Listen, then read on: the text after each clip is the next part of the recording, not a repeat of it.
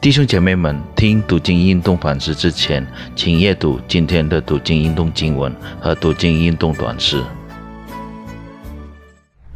主内弟兄姊妹们，大家平安！感谢上帝今天赐给我们机会，能够一起来聆听并思想上帝的话语。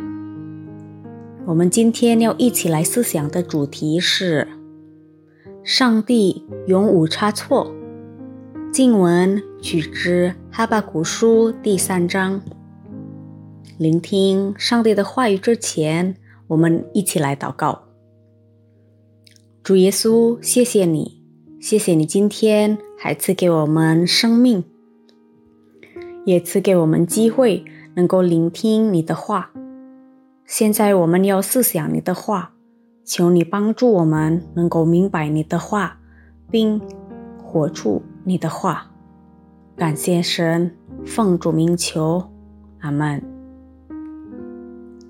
生在十九世纪的一位。伟大的英国传教士查尔斯·斯布珍曾经说过：“上帝太好了，不会做坏事，也大有智慧，不会做错事。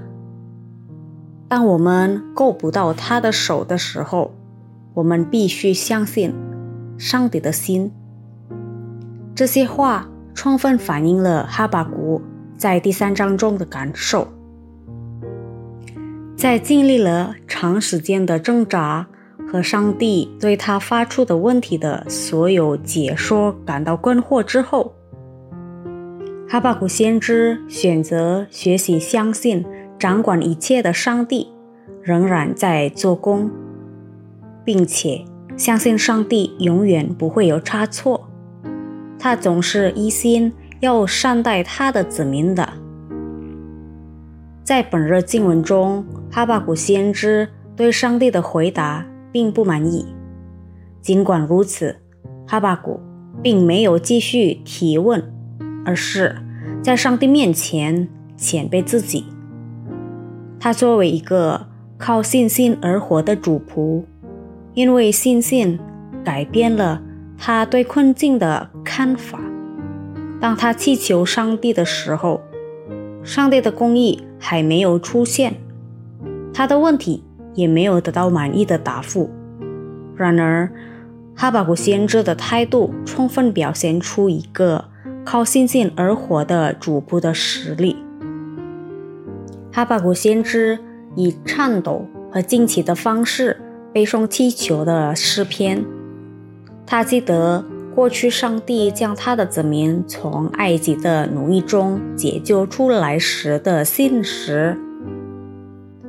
他祈求并希望上帝怒气是以怜悯为念，总比向他的子民显示他的怜悯。他选择学会相信上帝对他的选民的爱永远不会消失，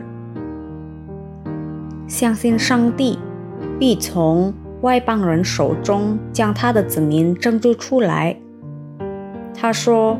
我在所立之处站静，我只可安静等候灾难之日临到。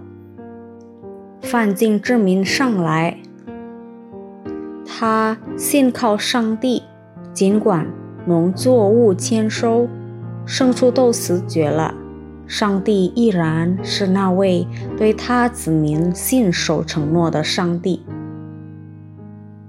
我们现在的情况是否让我们难以相信上帝，甚至认为上帝已经对他的子民做错事？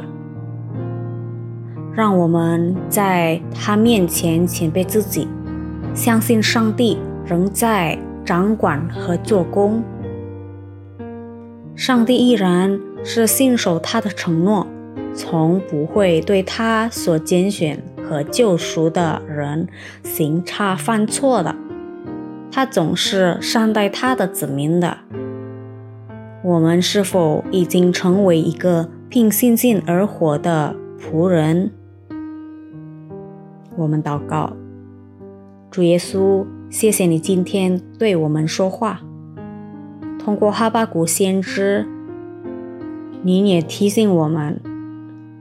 我们作为你的仆人，应该相信你，但实际上，我们常常难以理解你的作为。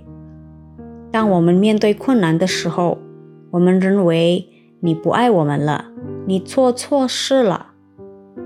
主啊，你是全能全智的上帝，你掌管一切，求你帮助我们。当我们不能明白你的路，帮助我们能够相信你的旨意，凭信心而活。感谢主，我们祷告是奉靠主耶稣基督的生命祈求，阿门。上帝祝福。